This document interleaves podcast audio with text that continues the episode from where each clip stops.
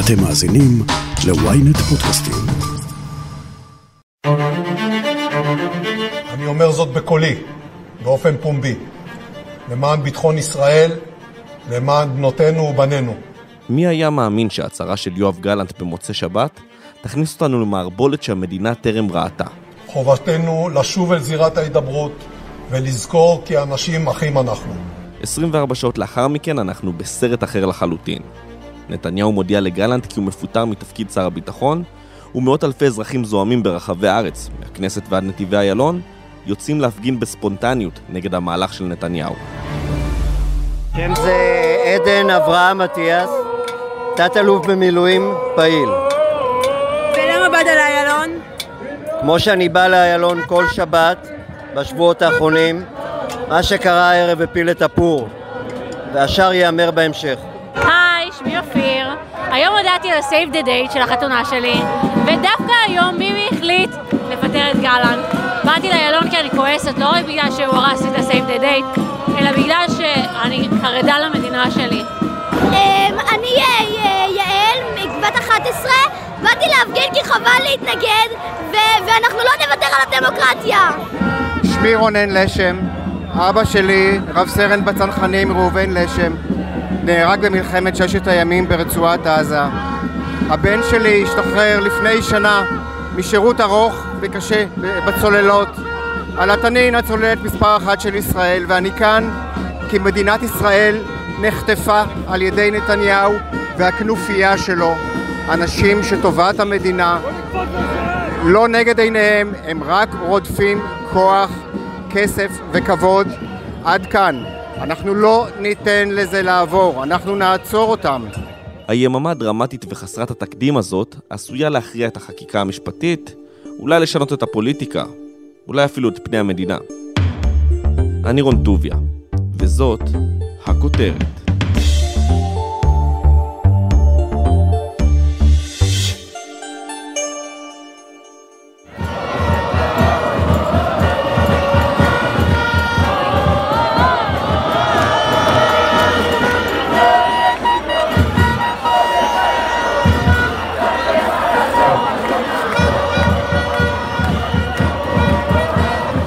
הלילה הזה ייזכר בתולדות המדינה. פיטורי שר ביטחון, הפגנות זוהמות, חקיקה שממשיכה. אני אומר לכם בכנות, אני עדיין לא מעכל את מה שקרה פה הלילה. יובל קרני, הכתב הפוליטי של ידיעות אחרונות, אתה יכול להסביר לי מה קרה פה הלילה? תראה, אנחנו עדים לאחד הימים הדרמטיים ביותר שידעה מדינת ישראל, ולא הייתי מזלזל בחשיבות של האירוע הזה. אירוע פוליטי בעצם אה, אה, מגיע לשיא של אה, הפגנות המוניות של עשרות אלפי אנשים, דרמה פוליטית, אה, ראש ממשלה שמבין אה, כנראה שהוא עשה טעות, אה, טעות אחת קשה, גדולה, דרמטית יותר מדי, הטעות הזאת בפיטוריו של שר הביטחון יואב גלנט. צריך לומר, אנשים בליכוד, אני לא מתכוון כמובן על, על החלק המיליטנטי, האולטרה ימני, כמו יריב לוין וגלית דיסטל אטבריאן ושלמה קרעי שקראו לפטר את אה, גלנט, אני מדבר בעצם על הרוב הממוצע, המתון, הליברלי יותר בליכוד, נדהם מהמהלך הזה של אה, פיטוריו של, של גלנט, שהיו כמובן על רקע אותה הצהרה דרמטית שנשא גלנט, ובעצם בהצהרה הזאת לא יצא נגד נתניהו ולא נגד הליכוד ולא נגד הרפורמה, הוא בעצם רצה לבוא ולהזהיר מפני ההשלכות הביטחוניות של הרפורמה הזאת על מדינת ישראל, מצבה הביטחוני של מדינת ישראל, ולכן הוא אמר שהוא לא מוכן לתמוך ברפורמה הזאת, ולכן הפיטורים שלו אה, היו דבר אה, דרמטי לכל הדעות, כלומר, אתה יודע, לקחנו בחשבון במערכת הפוליטית ובקרב התקשורת כמובן, שנתניהו יכול לפטר את גרנט, אבל בשלב מאוחר יותר, אם הוא יצביע באמת נגד הרפורמה בכנסת, ותהיה איזו עילה לבוא ולהגיד, הנה, הוא אה, פעל נגד המשמעת הקואליציונית וכולי, נתניהו לא אה, המתין ופיטר את גלנט, אני לא מאמין שלא נתניהו ולא גלנט, אף אחד מהם כמובן לא האמין שהמהלך הזה יוביל ליציאה ספונטנית, פשוט יציאה ספונטנית לא מאורגנת, של עשרות אלפי אנשים בכל רחבי הארץ במוקדים מרכזיים, חסימת כבישים, השתלטות על נתיבים מהירים כמו על נתיבי איילון כמובן, ו- וזה לא נרגע וזה המשיך לתוך הלילה עד לשעות הקטנות של הלילה. צריך לומר, אפילו לא הייתה משטרה, אני uh, הייתי עד בעצמי במרכז תל אביב, למכוניות עם מערכות כריזה שפשוט קראו לאנשים לצאת מהבתים ולבוא להפגין ממש כמו ערב מלחמה, חלילה וחס כמובן להשוות למלחמה, אבל זה ממש הזכיר מצבי חירום. ואיך נתניהו מטפל באירוע? עכשיו תראו, כל הלילה התקיימו התייעצויות אצל נתניהו, בלשכת ראש הממשלה, עם ראשי מפלגות הקואליציה, האם בעצם צריך לעצור את החקיקה? ההתרשמות של רובם המוחלט של האנשים הייתה שצריך לעצור את החקיקה, למעט יריב לוין, שר המשפטים, שכל פעם שמדברים על אפשרות לעצור, מאיים בעצם בהתפטרות. אני חושב שהוא השר שהכי הרבה איים להתפטר מהממשלה הזאת בשלושה חודשים האחרונים, ויש פה דילמה. אני לא יודע בסוף מה יחליט נתניהו ומתי הוא יחליט ואיך הוא יודיע על כך, אבל אה, הייתה באמת דרמה פוליטית גדולה מאוד, לא רק ב, אה, ברחובות ובערי ישראל, אלא בכלל גם בלשכת ראש הממשלה, שם הבינו שהם כנראה הלכו צעד אחד יותר מדי, אה, שגם אנשים בתוך ה base אה, הימני לא יכלו לקבל. הם יכולים אבל לחזור אחורה? להקפיא לדוגמה את הפיטורים של גלנט, להקפיא את החקיקה? אני לא מאמין שיקפיאו את הפיטורים של גלנט, אם כי צריך לומר שעד לרגע שאנחנו מדברים, גלנט לא קיבל מכתב פיטורים, ואז הפיטורים שלו נכנסים לתוקף רק 48 שעות אחרי, עוד לא קיבל מכתב פיטורים. יהיה לי מוזר אם נתניהו יחזור בו מהפיטורים, אבל מה שיותר ריאלי שהוא יחליט על uh, עצירת uh, החקיקה. פה צריך לקחת בחשבון אפשרות שאם הוא הולך על מהלך כזה, אז שר המשפטים שלו, החוליה בעצם.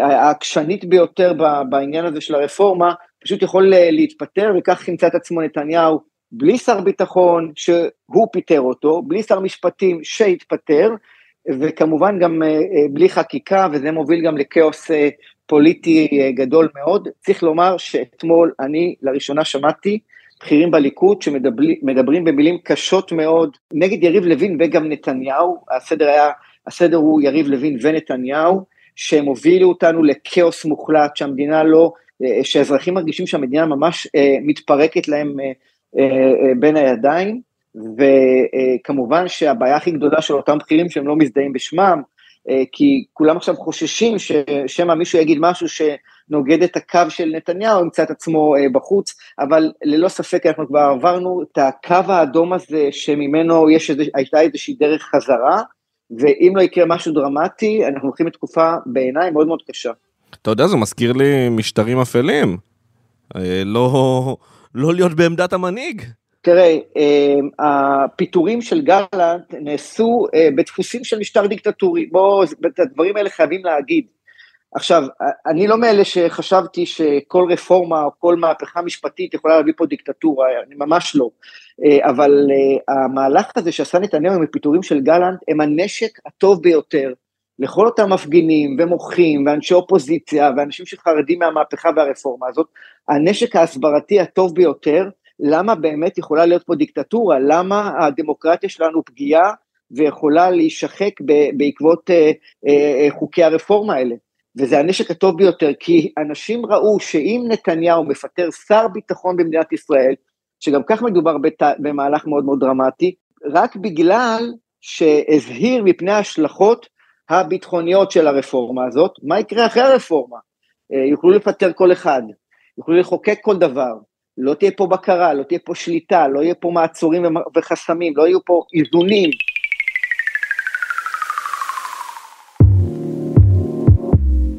המהלך של גלנט במוצאי שבת עורר סערה ותסיסה בליכוד באופן די טבעי, והיה ברור לכולם שהאירוע לא יעבור חלק. אבל כתבנו הצבאי יואב זייתון מספר שבמטכ"ל מקבלים את הודעת הפיטורים בהפתעה. בהפתעה מוחלטת, למרות שזה היה באוויר ולמרות שבשעות אה, שלפני הודעת הפיטורים אה, יצאה הודעת הכחשה מצד לשכת ראש הממשלה לאותו העניין של כינוס קבינט שדרש אה, גלנט ולא בוצע על ידי נתניהו. גלנט רצה הרי להציג לשרי הקבינט את כל המשמעויות, הנתונים והנגזרות הביטחוניות של ההפיכה המשפטית ושל ההתנגדות לה, אז בלשכת ראש הממשלה, שעות ספורות לפני הודעת הפיטורים, פשוט הכחישו את זה. במילים אחרות אמרו שגלנט משקר, או שבלשכה שלו משקרים, מה שעוד יותר החמיר את החוסר אמון בין גלנט לנתניהו, אבל במטה הכללי בהחלט הופתעו קודם כל מהמשמעויות הטכניות, הפרקטיות.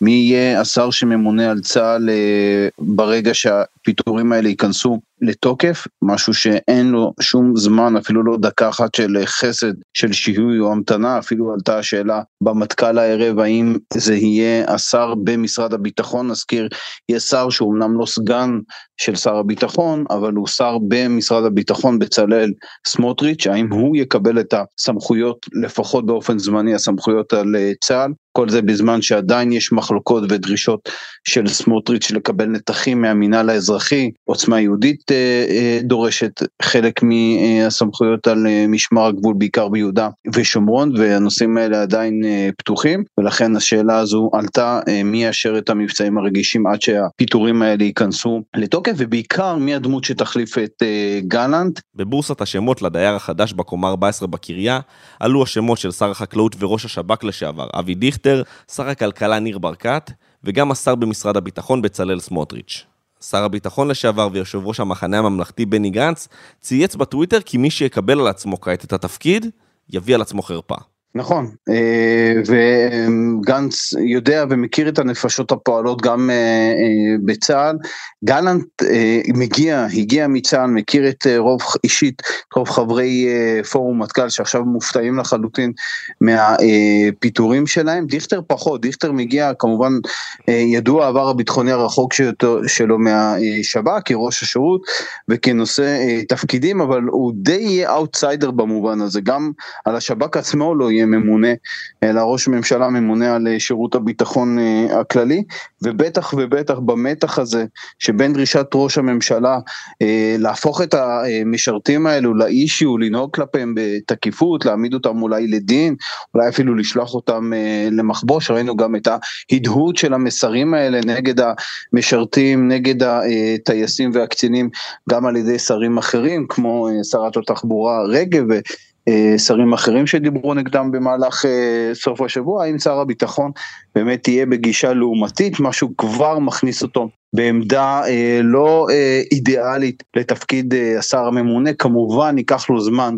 ללמוד את החומר אה, ובתקופה הזאת אין דקה אחת אה, של חסד, כמעט בכל אה, אה, גזרה יש נושאים אה, בוערים וזה בהחלט מציאות כאוטית, כאוטית לחלוטין להיכנס אה, לתפקיד שר אה, ביטחון.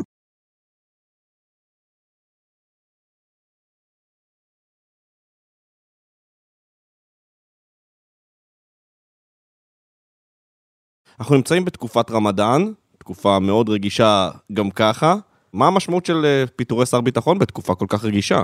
שהצבא נשאר בלי אה, גב של שר ממונה. אה, שר הביטחון לא רק אה, מאשר בהערכות מצב אה, דיונים או הקפצות או מבצעים כאלה ואחרים, אלא גם אה, היערכויות גדולות, וההיערכויות האלה של צה"ל אה, בשבועות האחרונים אה, לקראת הרמדאן הניבו לפחות את יום שישי הראשון של הרמדאן שעבר יחסית ברוגע, אבל בתווך כבר אה, ספרנו שלושה פיגועי ירי, שניים מהם ללא נפגעים בתחילת החג, וכמובן את פיגוע הירי במוצאי שבת בחווארה שבו אה, נפצעו שני לוחמי צה"ל, אחד מהם אה, באורח אה, קשה, וכל זה אל מול עשרות רבות של התראות לפיגועים ביהודה ושומרון בתקופה הזו של הרמדאן, התראות שלא היו, כמות כזו של התראות לא הייתה ברמדאן הקודם או בשנים הקודמות. התרחיש העיקרי כמובן הוא מפגע בודד, אבל יש המון המון התארגנויות, גם של הג'יהאד האסלאמי, גם של חמאס ביהודה אה, ושומרון, ומשם אם אה, נלך ונקפוץ לעזה, שתמיד יש הקרנה הדדית בין שתי הזירות האלה, איו"ש אה, ועזה, אז אמנם היא שקטה יחסית, אבל מתחילת השנה, שלושה חודשים, שלושה חודשים של הממשלה הנוכחית, יש שם משוואה חדשה שקבעו ארגוני הטרור, שעל כל ארבעה, חמישה, שישה אה, מחבלים הרוגים פלסטינים בג'נין או בשכם או בכלל בשומרון, יש ירי של רקטות. בזמן שאנחנו רבים ומתפוררים, מבקשי רעתנו יושבים בצד ומתמוגגים.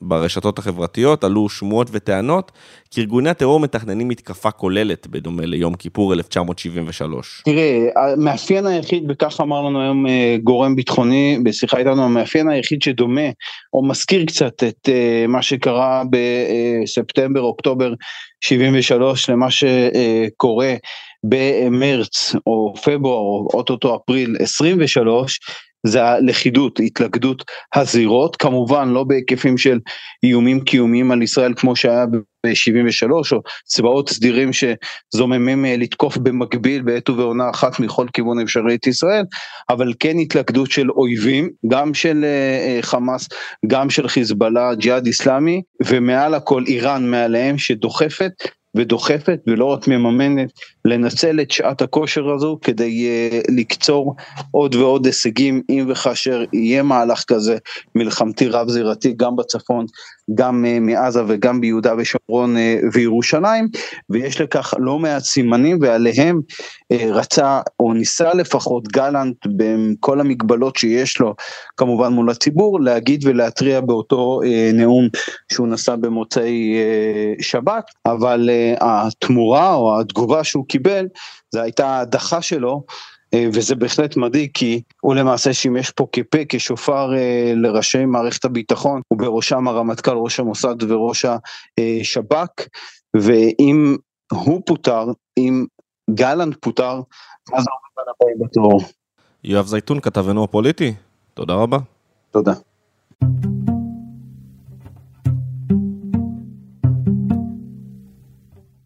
יובל קרני בחזרה אליך, אנחנו רואים מאות אלפי מפגינים יוצאים מהבית בספונטניות, חוסמים את נתיבי איילון עד השעות הקטנות של הלילה, גם מפונים בכוח.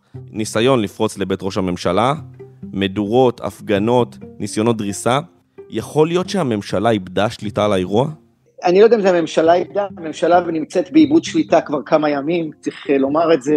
המדינה נמצאת עכשיו באיבוד אה, שליטה.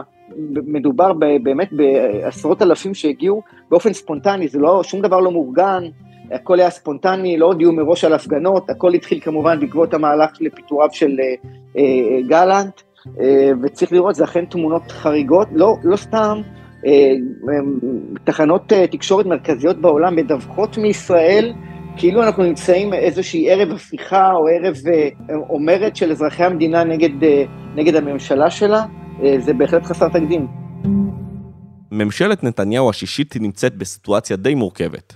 מצד אחד, שר הביטחון כבר בחוץ, ומהצד השני, נכון לזמן הקלטת הפרק, ישנן קריאות להקפאת החקיקה, מה שעשוי לערער את הקואליציה. יכול להיות קרני שאנחנו רואים כאן את תחילת הסוף של הממשלה, שנזכיר רק כמה לפני כשלושה חודשים? אני לא, אני לא הייתי מסיק את המסקנה הזאת עכשיו, אני חושב שהמצב של המדינה הוא כל כך קשה שהשאלה הזאת אפילו על uh, מה יקרה על עתיד הממשלה, אה, אפילו השאלה הזאת הופכת להיות פחות רלוונטית, לא שהיא חשובה ולא, ולא מעניינת כמובן, היא חשובה והיא מעניינת והכל, אבל אה, קודם כל אני חושב שזה מוקדם, אני לא חושב שהממשלה עכשיו אה, לקראת סופה, מה שכן אני חושב שזה בהחלט הזעזוע המשמעותי ביותר, והבעיה של נתניהו כרגע לא הקואליציה, או הממשלה, הבעיה של נתניהו כרגע זה העם. ואיך אתה מחזיר את העם אה, לתמוך בך? לא צריך להחזיר את העם לתמוך בו, אני, אני, הרי בסוף תראו, תראו, יהיו, יהיו אנשים שבכל מקרה יצאו אה, להגיד לנתניהו תלך ולדרוש את פיטוריו ולהחליף את הממשלה, בסדר, זה הכל לגיטימי, אבל זאת לא המחאה הזאת, זאת לא מחאת בלפור, זה אה, מחאה מאוד אה, אותנטית, צריך לומר, ו- ואני חושב שפשוט צריך להרגיע, אני לא חושב שצריך להחזיר את העם שיתמוך במנהיג שלו, אנחנו לא חיים במדינה כזו שהעם צריך לתמוך במנהיג, אבל צריך להחזיר פה את יחסי האמון שהיו בין האזרחים במדינה לבין השלטון שלו. ונתניהו הוא האיש לעשות את זה? אני לא יודע, שאלה, שאלה טובה, אני לא, לא חושב שלמישהו מהמפגינים יש איזשהו אמון בנתניהו, ואני מניח שאם יקרה משהו זה בהחלט בגלל אותה מחאה חסרת uh, תקדים שהצליחה לה, באמת להשפיע uh, על השלטון במדינת ישראל, אז נתניהו לא האיש שיכול לעשות את זה, אבל הסיטואציה היא תוביל את האנשים שנוגעים בדבר, בראש ובראשונה נתניהו, באמת לעשות משהו, לעשות מעשה, כדי לנסות להחזיר קצת את החיים פה לנורמליות. אז יובל, אחרי יממה משוגעת וחסרת תקדים, לאן אנחנו הולכים מכאן? שאלת השאלות, אתה יודע, ב... מי ציפה שנתחיל את היום ביום מאוד מאוד רגוע על דיווחים על אבי דיכטר ושאיפותיו להיות שר ביטחון, נמשיך עם פיטוריו של גלנט, שר הביטחון, באופן באמת לא רציונלי ולא מובן, ואז להמשיך ללילה מטורף של אה, אה, מחאה והפגנות בכל רחבי הארץ, ש... אה, משפיעות על המערכת הפוליטית אה, במדינת ישראל, הפגנות שזוכות לסיקור בינלאומי. אי אפשר לדעת מה יהיה הלאה, אנחנו צריכים גם לראות מה יחליט בסוף אה, נתניהו, האם יהיה רוב בהצבעה בשבוע האחרון לכנס החורף של הכנסת, שרוב שיכול להעביר את כל חוקי הרפורמה, לפחות את החוקים שהם תכננו להעביר, שאלה טובה, הרבה, אין, אין פתרונים לרוב השאלות האלו. יובל קרני, תודה רבה. תודה רבה לך, להתראות.